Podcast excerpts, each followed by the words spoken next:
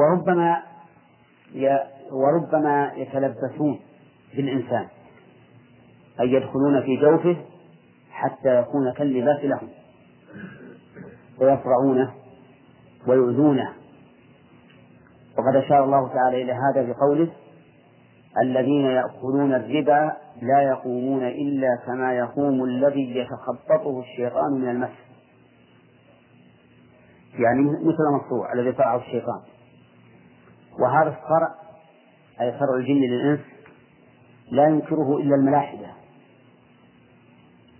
كما قال ابن القيم رحمه الله في زاد المعاد إنهم لم يصلوا إلى إلى هذا النوع من الصرع فجعلوا ينكرونه ويحيلون جميع أنواع الصرع إلى آه، صرع الأعصاب والمخ وما أشبه ذلك. وفرع الجن للإنس معلوم بالمشاهدة أيضا فلا ينكره إلا مكابر. كيف ذلك؟ لأنه شوهد من يصرع ويخاطب الجني الذي صرعه مخاطبة صريحة واضحة. وجرى ذلك على يد أئمة الإسلام كالإمام أحمد وشيخ الإسلام ابن تيمية وغيرهم إلى يومنا هذا. جاء مرة بمصروع إلى شيخ الإسلام ابن تيمية رحمه الله. فوعظ الجني الذي صرعه ونصحه. وقال له اخرج. وقال إني لا أخرج. إني أحبه. وكانت امرأة التي صرعت. صرعت الرجل امرأة. قالت إني أحبه. فقال شيخ الإسلام لكنه لا يحبك. فقالت إني أريد أن أحج به. كيف؟ تحميله إلى مكة فقال إنه لا يريد لا يريد, لا يريد أن يحج معه. ثم وعظها فلم تستعر ثم ضربها شيخ الإسلام ابن تيمية. جعل يضربها على رقبة هذا المصروع يقول حتى تعبت يدي من الضرب. فقالت أنا أخرج كرامة للشيخ. فقال لا تخرجي كرامة لي. اخرجي طاعة لله ورسوله. فخرجت على أن لا تعود فأفاق الرجل. لما أفاق قال ما الذي جاء بي إلى حضرة الشيخ؟ ما الذي جاء بي إلى حضرة الشيخ؟ لأن شيخ الإسلام تيمية. فقيل له إنه قد فعل كذا وفعل كذا. قال والله ما أحسست بشيء من هذا. والله ما أحسست بشيء من هذا لا أني خاطبته ولا أنه ضربني. وهذه القصة ذكرها ابن القيم في باب المعاد عن شيخه وابن القيم ثقة وشيخ الإسلام كذلك ثقة. وقد ورد ذلك عن الإمام أحمد مثل ذلك عن الإمام أحمد. إذا الجن نقول في تعريفهم عالم غيبي مستترون على الإنس وربما يظهرون ومنهم صالح ودون ذلك ومنهم قاسط ومنهم مسلم ويأكلون ويشربون ويبولون ويتخيئون كل هذا ثبت ثبت في القرآن وفي السنة. نعم. طيب يقول ومن الجن من يعمل بين يديه؟ من؟ بمعنى الذي يعمل بين يديه فهي اسم موصوف وما محلها من الإعراب؟ يحتمل أن يكون محلها الرفع على أنها مبتدا مؤخر وخبره من الجن.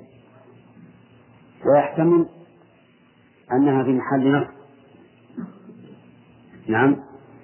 يعني وسخرنا له من الجن من يعمل بين يديه. وأيهما أولى؟ نحن ذكرنا قاعدة أنه إذا دار الأمر بين التقدير وعدم التقدير ها؟ فعدم التقدير أولى. لأنه الأصل الأصل أن الكلام لم يحدث منه شيء. وعلى هذا فنقول من الجن جار ومجرور خبر مقدم ومن يعمل مبتدا مؤخر. من يعمل بين يديه يدي من؟ يدي سليمان. يعني أمامه. لكن بإذن بأمر ربه. والإذن ها كوني ولا شرعي؟ الإذن؟ ها؟ لا كوني بإذن الله الكوني يعني أن الله سخر الجن يعملون بين يدي سليمان بإذنه بأمره الكوني وقد يقال إنه إذن شرعي بدليل قوله ومن يزغ منهم عن أمرنا نذقه من عذاب السعير قال ومن يزغ يعدل. وقيل يمل. يمل أي يميل. وهذا أقرب. ومنه زاغت الشمس أي مالت. عن وسط السماء. من يزغ منهم يعني من يميل عن أمرنا له بطاعته. عن أمرنا له بطاعة له أي للجن. بطاعته أي بطاعة سليمان. نذقه من عذاب السعير النار في الآخرة. نذقه ما الذي جزمها؟ من؟ لأنه جواب الشرط وفعل الشرط يذق نذقه من عذاب السعير أي نعذبه بالنار حتى يذوق عذابها وهل هذه نار الدنيا أو الآخرة؟ قال المؤلف في الآخرة وقيل في الدنيا بأن يضربه ملك ملك بسوط منها ضربة تحرقه والله أعلم هل هل إن عذابه في الدنيا بواسطة الملك أو أن سليمان أذن له بتعذيب في النار. على كل حال الذي يزغ من الجن عن أمر عن أمر الله سبحانه وتعالى بطاعته سليمان هذا يعذب بالنار. يعذب بالنار إما في الدنيا وإما في الآخرة. و ولكن إذا قلنا إنه في الدنيا فإنه لا يتعين أن يكون الأمر كما قال المؤلف إنه ملك يضربه بصوت منها حتى يحرقه. نعم. والله أعلم. نعم.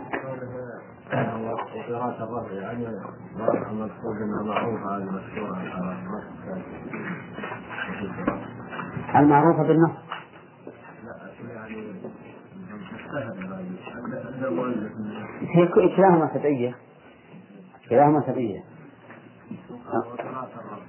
إيه هو أقول هذا تعبيره غير مألوف. المعروف يقول في قراءة بالرفع ثم يبين الوجه. نعم. قلنا إن إن أمر الله عز وجل نعم. طاعة سليمان وتسليمه له يعني الأمر كوني إذنه له نعم. إذن كوني نعم.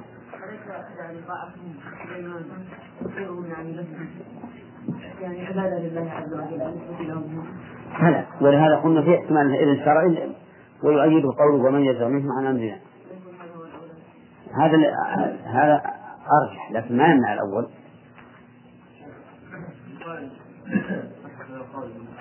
الرجل يتلبس به مرة والعكس من إيه. صحيح لا ما صحيح. قد يتلبس بالرجل رجل. ويكون مثلا مولعا به لسبب من الأسباب. وكذلك بالعكس. نعم. فائدته أنه يعمل فيه ما شاء. يعني, يعني إذا كان جائزا مثل المال يتصرف فيه كما يشاء. نعم.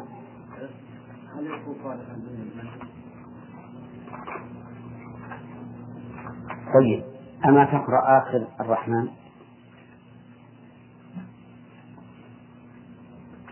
أسألك.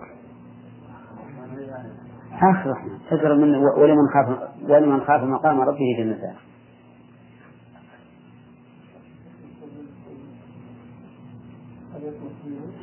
اقرأ ولمن خاف. ولمن خاف. أقرأ أقرأ. ها. اقرأ اللي بعده. فبأي؟ الخطاب بربكما يعود لمن؟ طيب. إذا كان الجن لا يستفيدون من هاتين الجنتين فما فائدة خطابهم بقوله فبأي؟ آلاء ربكما تكذبان؟ ثم أنه قال في نفس الآيات لم يطمثهن إنس قبلهم ولا جان. وهذا أيضا يدل على أنهم يدخلون الجنة. وهذا هو الصحيح الذي عليه جمهور العلماء. أما دخولهم النار الكافر منهم فإنه بالاتفاق بالاتفاق لأن نص نص الله عليه في القرآن وأما دخول المؤمن منهم الجنة فهذا هو الصحيح الذي عليه جمهور أهل العلم. يا قوم أجيبوا داعي الله وآمنوا به يغفر لكم من ذنوبكم ويجزكم من عذاب الله. نعم. ما يمنع. ما قال ما قال ولا تدخلوا الجنة. ف... طيب هذه الآية ما فيها دليل في دخول الجنة.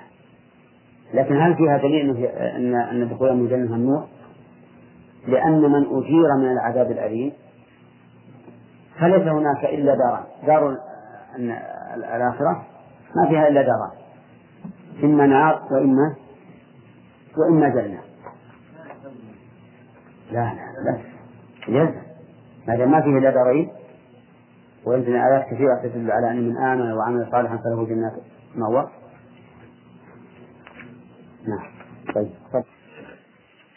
قال الله تعالى ولسليمان الريح غدوها شهر ورواحها شهر من فوائد الآية الكريمة أن الله تعالى قد يسخر بعض الأمور الكونية لبعض عباده آية له. لأن الريح كما تعلمون لا أحد يستطيع أن يفركها كما يشاء. وسليمان سخرت له تجري بأمره. فيستفاد من هذا أن الله قد يسخر بعض الأمور الكونية آية ها لبعض عباده كهذا. وهل يمكن أن أن يأتي مثل ذلك لغير الرسل؟ نعم. الظاهر أنه لا يمكن وما ذكر عن بعض الخلفاء أن الله تعالى سخر له الريح يأمرها كما يشاء وتنقل جنده فإن هذا في في صحته والظاهر أن مثل آيات الأنبياء لا تكون كرامة للأولياء. صحيح أن بعض آيات الأنبياء تكون كرامة لبعض الأولياء أما أن أما الآيات الكبيرة كهذه فالظاهر والله أعلم أنها لا تكون ومن فوائد الآية الكريمة أن للريح سرعة عظيمة. كما قال غدوها شهر ورواحها شهر. ومن فوائد الآية الكريمة إثبات الجن أو ثبوت أو وجود الجن. من من فوائدها وجود الجن. وهذا ثابت بالكتاب والسنة وإجماع المسلمين. ولهذا من أنكر وجود الجن فقد كذب القرآن ويحكم بكفره. لكن هل الجن يعملون للإنس أو لا يعملون؟ نقول من فوائد الآية الكريمة أن الجن يعملون للإنس. لقوله ومن الجن من من يعمل بين يديه. من الجن من يعمل بين يديه. ولا شك أن عملهم بين يديه آلة له. دالة على نبوته وعلى رسالته. لكن هل يعملون لغير الأنبياء؟ يقول شيخ الإسلام نعم إنهم يعملون لغير الأنبياء. وعملهم لغير الأنبياء له سبب. إما أن يكون سببه الشرك. بمعنى أن الجن تأمره أن يشرك فيعبدهم. أو تأمره أن يشرك فيعبد من يعظمونه. هذا واحد. وقد يكون سببه أنهم يعشقون هذا هذا الإنسان فيحبونه حبا آه، يعني ليس لله لكن مثلا لجمال صورته أو ما أشبه ذلك. ومنها أنهم يعملون له من أسباب ذلك يعملون له محبة لله لكونهم صالحين فأحبوا هذا الرجل الصالح فعملوا له و نعم. عملهم له يقول شيخ الإسلام إن عملوا له أمرا محرما كان ذلك حرام. مثل أن يستخدمهم في أذية المسلمين أو في الاعتداء على شخص معين يروعونه أو ينفرون إبله أو ما أشبه ذلك فهذا حرام. فإذا استعان بهم بطريق المعصية أو من أجل المعصية كان ذلك حراما بلا شك. أما إذا استعان بهم في الأمر المباح فإن هذا لا بأس به. إذا خلى عن شرك وعن عدوان على الغيب فإن قلت إن إن القول بإباحة الاستعانة بهم في غير المعصية يشكل عليه قوله تعالى ويوم أحشرهم جميعا يا معشر الجن قد استكثرتم من الإنس.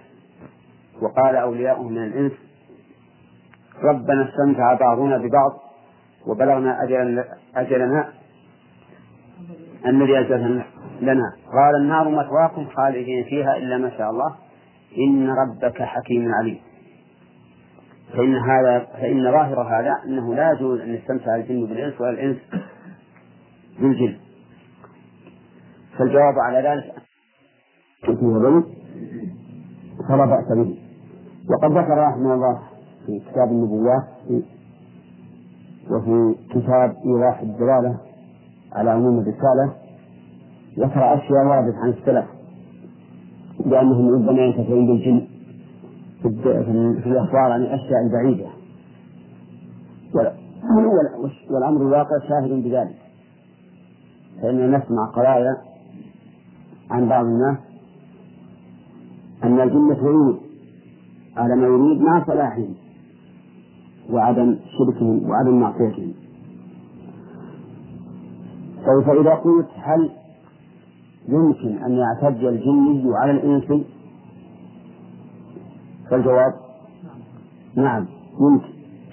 وهل يمكن أن يعتد الإنس على الجن نعم يمكن.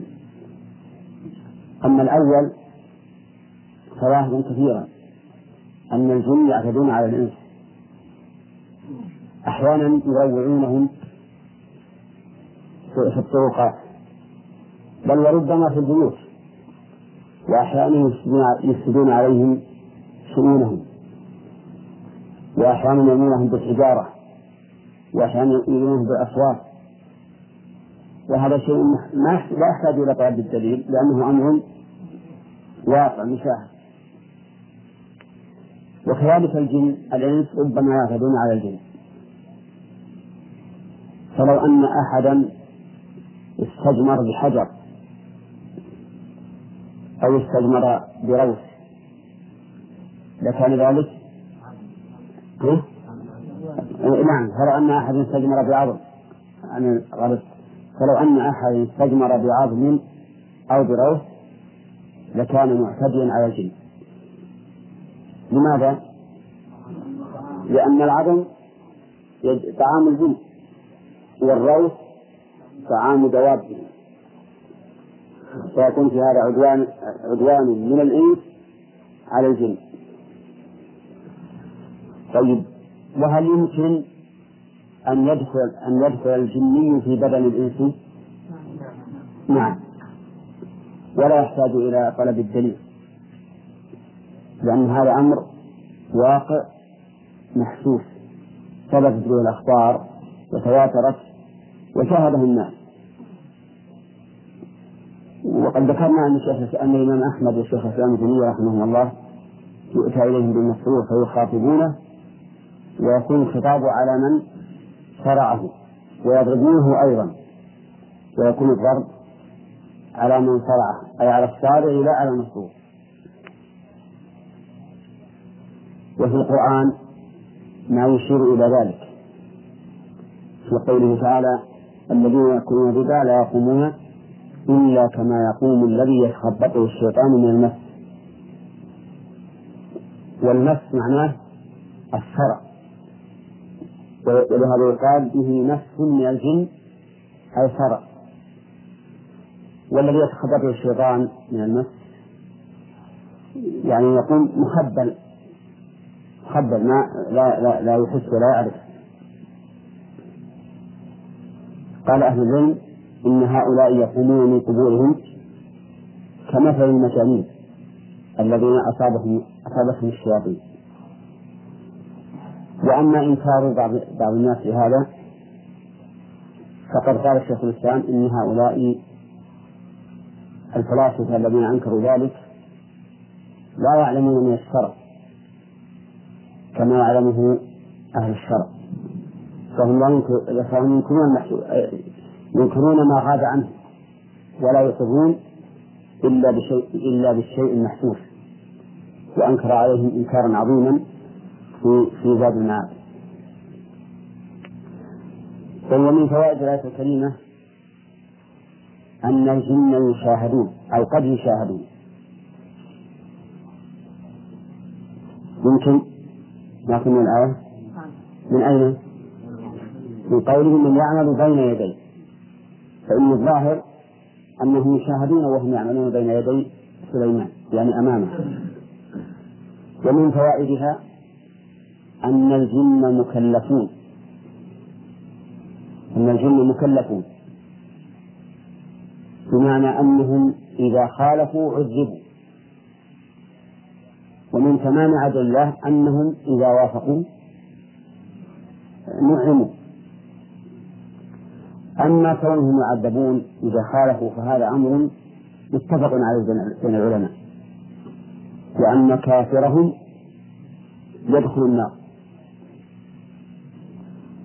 وأما دخول المؤمن الجنة ففيه خلاف بين العلماء. والصواب أنهم يدخلون الجنة لقوله تعالى في سورة الرحمن وهو يخاطب الجن والإنس ولمن خاف مقام ربه جنتان فبأي آلاء ربكما تكذبان. فيكون هؤلاء الجن إذا خافوا الله فلهم الجنة. وقال في أثناء ذلك لم يطمثهن إنس قبلهم ولا جان. وكلمة ولا جان لا تتناسب مع مع الإنس وإنما تتناسب مع من؟ مع الجن. وهذا هو القول الحق المتعين.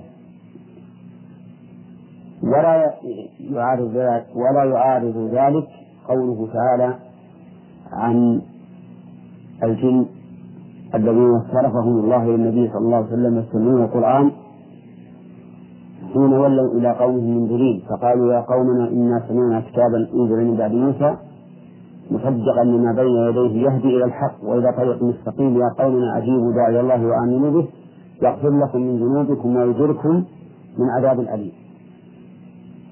فيقال إن الله إذا أجارهم من العذاب الأليم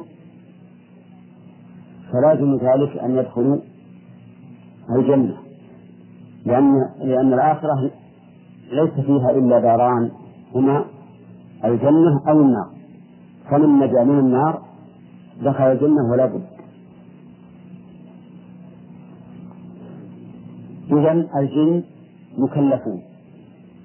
لكن هل تكليفهم كتكليف الإنس؟ بمعنى أن صلاتهم كصلاتنا وصيامهم كصيامنا وحجهم كحجنا أو يختلف عنه. في هذا احتمالان. أحدهما أن يكون ما كلفوا به مساويا لما كلفنا به. من كل وجه. ما دام الرسول صلى الله عليه وسلم مبعوثا للجن والإنس ولم تأتي السنة بالتفريق بل ولا القرآن. بالتفريق بين أحكام الإنس والجن فالواجب إيش؟ إجراؤها على ما هي عليه. وأن تكون هذه الأحكام ثابتة في حق الإنس والجن على حد سواء. والاحتمال الثاني أن تكون الواجبات بالنسبة للجن موافقة لما هم عليه.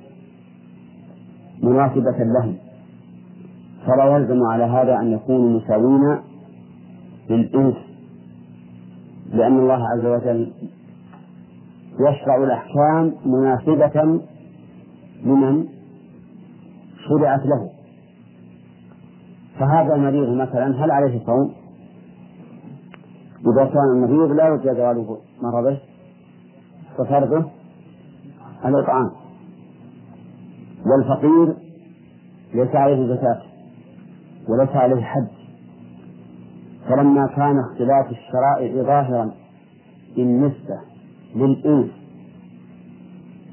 لاختلاف أحوالهم فإنه يلزم أن تكون الشرائع أيضا مختلفة في الجن عن الإنس لأن الجن لا شك كما قال الإسلام الجن مخالفون للإنس في الحد والحقيقة. حقيقتهم ليست كحقيقة البشر وحدهم وحدودهم وطاقاتهم وطاقاتهم ليست كحدود وطاقات البشر.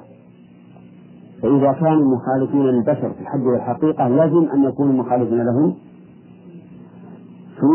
في الأحكام الشرعية. وهذا فيما يمكن الاختلاف فيه.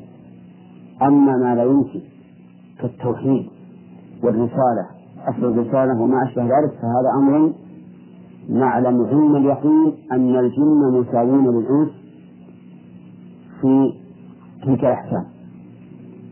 لكن الكلام على المسائل الفرعية التي يختلف فيها المخاطبون باختلاف أحوالهم فالمسألة فيها احتمالان.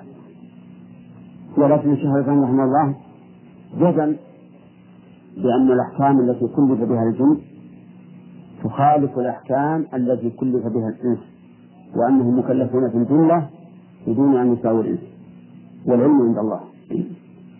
طيب. ثم قال الله عز وجل في الدرس الجديد يعملون له ما يشاء. من محاريب إلى آخره يعملون له لمن؟ لسليمان وهذا كالتفصيل لقوله ومن الجن من يعمل بين يديه. كأنه يقول ماذا يعملون؟ ففصل وقد يعملون له ما يشاء من محاريب من بيانية. مبينا للإبهام في الاسم الموصول وهو قوله ما يشاء. يعني ما اسم موصول ونحن نعلم جميعا أن اسم الموصول من الأسماء المبهمة. فقول من محاريب بيان. من محاريب يقول المؤلف أبنية مرتفعة يصعد إليها بدرج. هذه المحاريب.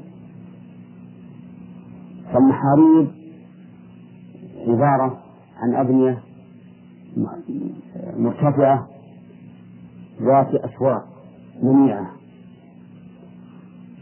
قال الله تعالى في داود وهل أتاك نبأ الخصم؟ إذ تصور المحراب. طيب هذا هذا واحد. وتماثيل جمع تمثال. وهو كل شيء مثلته بشيء أي صور من نحاس وزجاج ورخام. ولم يكن اتخاذ الصور حراما في شريعته. التماثيل التماثيل جمع تمثال وهو ما صور على مثال شيء آخر. على مثال شيء آخر. فكل ما صور على مثال شيء آخر فهو فإنه يقال تمثال له. وعلى هذا فيمكن أن نقول لمن صور آه، صورة شجرة ونحتها من جسم. نقول لها إن هذا تمثال للشجرة. وكذلك نقول لمن نحت خشبا أو حجرا على صورة حيوان نقول إن هذا تمثال. والمؤلف جزم بأن المراد بالتمثيل بالتماثيل ما كان تمثالا لحيوان. ولهذا قال أو صورا ونعم كل شيء مسكه بشيء هذا أصل التمثال أو صور من نحاس وزجاج ورخام. ولهذا قال أو صورا نعم كل شيء مسكه بشيء هذا أصل التمثال أو صور من نحاس وزجاج ورخام. النحاس معروف والزجاج أيضا معروف والرخام كذلك يقول ولم يكن اتخاذ الصور حراما في شريعته وهذا مبني على أن المراد بالتماثيل تماثيل إيش؟ ما يحرم تسويره كالحيوان من إنسان وغيره ولكن نقول إن هذا لا يلزم أو لا يلزم أن يكون المراد بالتماثيل هي صور الحيوان. فمن الجائز أن ينحتوا له من مما ذكر من النحاس والزجاج والرخام أن ينحتوا له أشياء على صور شجر. ويقال إن هذا تمثال. فيها الآن مجسمات يجعلونها على صورة نخلة على صورة سيف على صورة قصر وما أشبه ذلك. نقول هذا تمثال ولا تمثال؟ وفيه أيضا مجسمات على صورة حيوان. أسد أو جمل أو بقر أو ما أشبه ذلك. هذا أيضا تمثال. فنحن الآن نقول إن كان قوله ما يشاء من تماثيل من محاريب وتماثيل إنه عام لتمثال الحيوان والأشجار وغيرها. فنحتاج حينئذ أن نجيب بما أجاب به المؤلف وهو أن الصور في شريعته ليست حراما ولكن ما دام الأمر غير لازم إذ من الممكن أن تكون التماثيل التي يأمرهم بها كمثيل أشياء يجوز تصويرها فلا حاجة إلى هذا الجواب. يقول نعم. وتماثيل وجسام جمع جفنة كالجواب جمع جابية وهي حوض كبير يجتمع نعم جفان كالجواب. الجفان ما هي؟ الصحفة التي يوضع فيها الطعام. كالجواب جنب جابية. والجابية هي الحوض الكبير. الحوض الكبير ومنه البركة تسمى جابية. حتى الآن يسمون البرك يسمونها جوابي هذه الجفان على ما تقتضيه الآية الكريمة جفان كبيرة واسعة. نعم. يقول المؤلف مبينا ساعتها يجتمع على الجفنة ألف رجل يأكلون منها.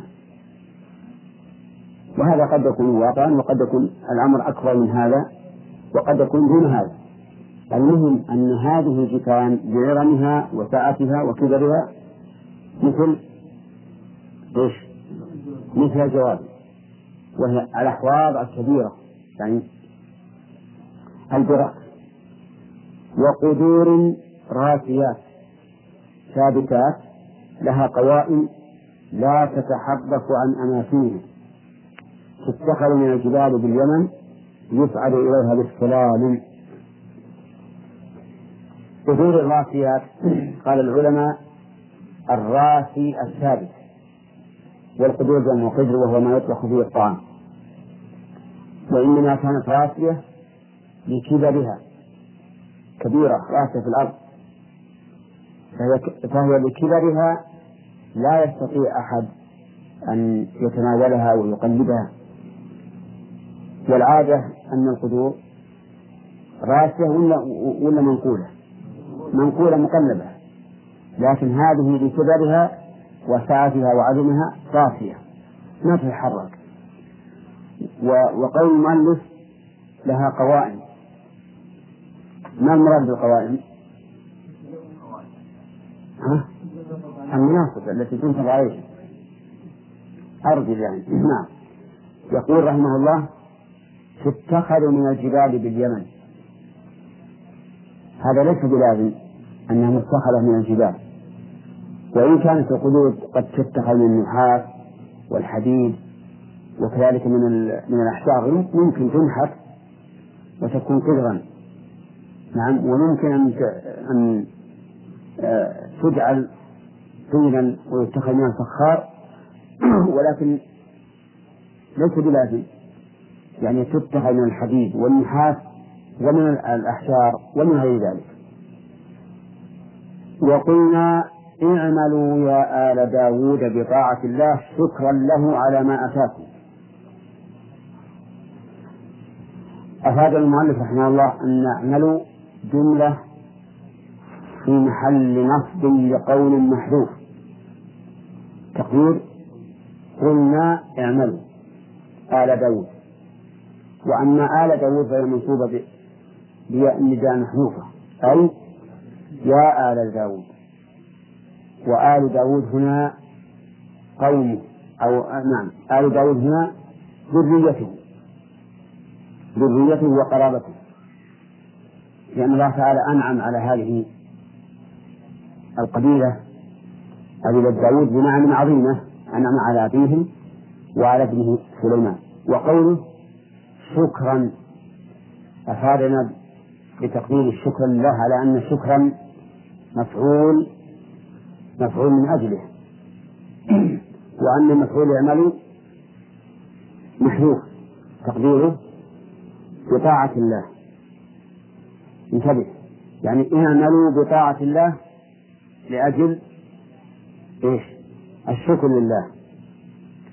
ويحتمل أن تكون شكرا مفعول به اعملوا يعني اعملوا الشكر والشكر هو الطاعة. ولكن هذا الوجه نسلم فيه من التقدير. أما على الوجه الأول فإنه لا بد أن نقدر مفعول اعملوا الشكر عرفه العلماء بأنه القيام بطاعة المنعم في القلب واللسان والجوارح. أما في القلب فأن تعتقد بأن ما بك من نعمة فهي من الله. وأما في اللسان فأن تثني على الله بالنعمة. لا تذكر النعمة افتخارا بها على الناس. وأما الجوارح فأن تقوم بطاعة الله سبحانه وتعالى فيما يختص بتلك النعمة أو بطاعته على سبيل العموم. والفرق بين هذا وهذا إذا قلنا أن تقوم بطاعة الله فيما يختص بهذه النعمة فإذا أنعم الله عليك بمال فشكره الزكاة والإنفاق وما أشبه ذلك. فإذا عصيت الله في غير ذلك لا يقال إنك لم تقم بشكر المال. أما إذا قلنا إن الشكر هو أن تقوم بطاعة الله فيما يختص بهذه النعمة وفي غيره فإن الإنسان إذا أنعم عليه المال وقام بحقه على الوجه الكامل ولكنه يعصي الله سبحانه وتعالى في أمور أخرى يقال إن هذا ليس ليس بشاكر ولكن قد نقول إن الشكر نوعان. شكر مطلق وهو الذي يقوم بطاعة المنعم فيما أنعم به عليه فيه وفي غيره. وشكر خاص مقيد بهذه النعمة المعينة فيكون هذا الشاكر إذا قام بما يجب عليه في هذه النعمة المعينة شاكرا لكنه لا يعطى وصف, الشكور. ونظير ذلك ما سبق لنا في التوبة.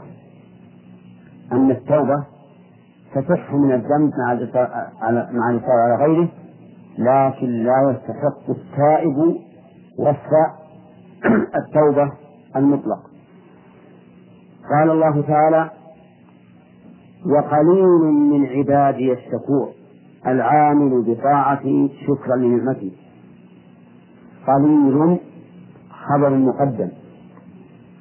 والشكور مبتدا مؤخر. لأن المقصود الإخبار عن الشك عن الشكور بأنه قليل. فيكون تقول الآية والشكور من عبادي قليل. شكور من عبادي قليل. وقوله من عبادي هو متعلق بما بعده. فلما قدم عليه صار في موضع نصب على الحال. يعني الشكور حال كونه من عبادي قليل. وتعليل ذلك أن أكثر بني آدم إيش؟ غير شكور. بل هم ضالون فبنو آدم بنو آدم يكون منهم تسعمائة وتسعة وتسعون في النار وواحد في الجنة. ولا شك أن واحدا إذا نسب إلى النار يكون قليلا. وقوله من عبادي المراد بالعبودية هنا العامة أو الخاصة العامة الشاملة للكافرين والمؤمنين. فلما قضينا عليه أي على سليمان الموت أي مات إلى آخره. قضينا أي قدرنا عليه الموت فمات. والقضاء هنا قضاء قدري. وقضاء الله سبحانه وتعالى نوعان قدري وشرعي. فهنا لما قضينا عليه الموت القضاء قدري. وقضينا إلى بني إسرائيل في الكتاب لتفسدن في الأرض مرتين. هذا أيضا قضاء قدري وقدرنا عليهم ذلك. والثاني قضاء شرعي وهذا إذا تعلق بما أمر الله به. وأنه قضاء شرعي كقوله تعالى وقضى ربك أن لا تعبدوا إلا إياه. فالقضاء هنا قضاء شرعي. إذا لو كان قضاء قدريا لوقع ولا عبد الناس الله كلهم كلهم بدون إشراك. هنا القضاء قدري. لما قضينا عليه الموت أي قدرناه عليه فمات قال ومكث قائما على عصاه حولا ميتا. والجن تعمل تلك الأعمال الشاقة على عادتها لا تشعر بموته حتى أكلت الأرض عصاه فخر ميتا. نعم كل هذا الذي ذكره المؤلف واضح من الآية لما قضى الله عليه الموت. بقي مدة لا تعلم الجن أنه مات. وهم يعملون ولا لا؟ يعملون تائبين لأنه قد كلفهم بذلك. فمات وبقي متكئا على عصاه. أولا المؤلف رحمه الله يقول آه، بقي حولا. تقييد هذا البقى بالحول ليس عليه دليل. لكن لا شك أنه بقي مدة وهم يعملون بين يديه ولا يدرون أنه ميت. أما أن يقيده بحول أو بأقل أو بأكثر فهذا يحتاج إلى دليل. وقولنا إنه متكئ على عصاه. في دليل الآية؟ لأنه, قول لأنه قال فلما خر وهذا لا يمكن إلا وهو متكئ. يقول لما فلما. نعم. ما دلهم على موته إلا دابة الأرض. مصدر. مصدر. عرضت الخشبة بالبناء إلى المفعول أكلتها الأرض. كلمة الأرض هل المراد بها الجنس؟ أي الدابة التي تكون في الأرض. أو المراد بها المصدر. المؤلف يرى أن المراد بها المصدر. مأخوذ من قولهم ضربت الخشبة يعني أكلتها الأرض. يعني ما دلهم على موته إلا الدابة التي تعبد الخشب. تعبدها فعليه يكون أرض يكون كلمة أرض مصدر. مصدر إيش؟ أرض يأرض أرضا. مثل ضرب يضرب ضربا. هذا تقرير كلام المؤلف. وما قرره رحمه الله بعيد من من مفهوم الآية لأنك عندما تفهم إلا دابة الأرض ما تفهم الذي الذي قرره المؤلف أبدا. بل الذي يتبادر إلى الذهن أن المراد بالأرض الجنس. يعني إلا الدابة التي تخرج من الأرض. تأكل من سأته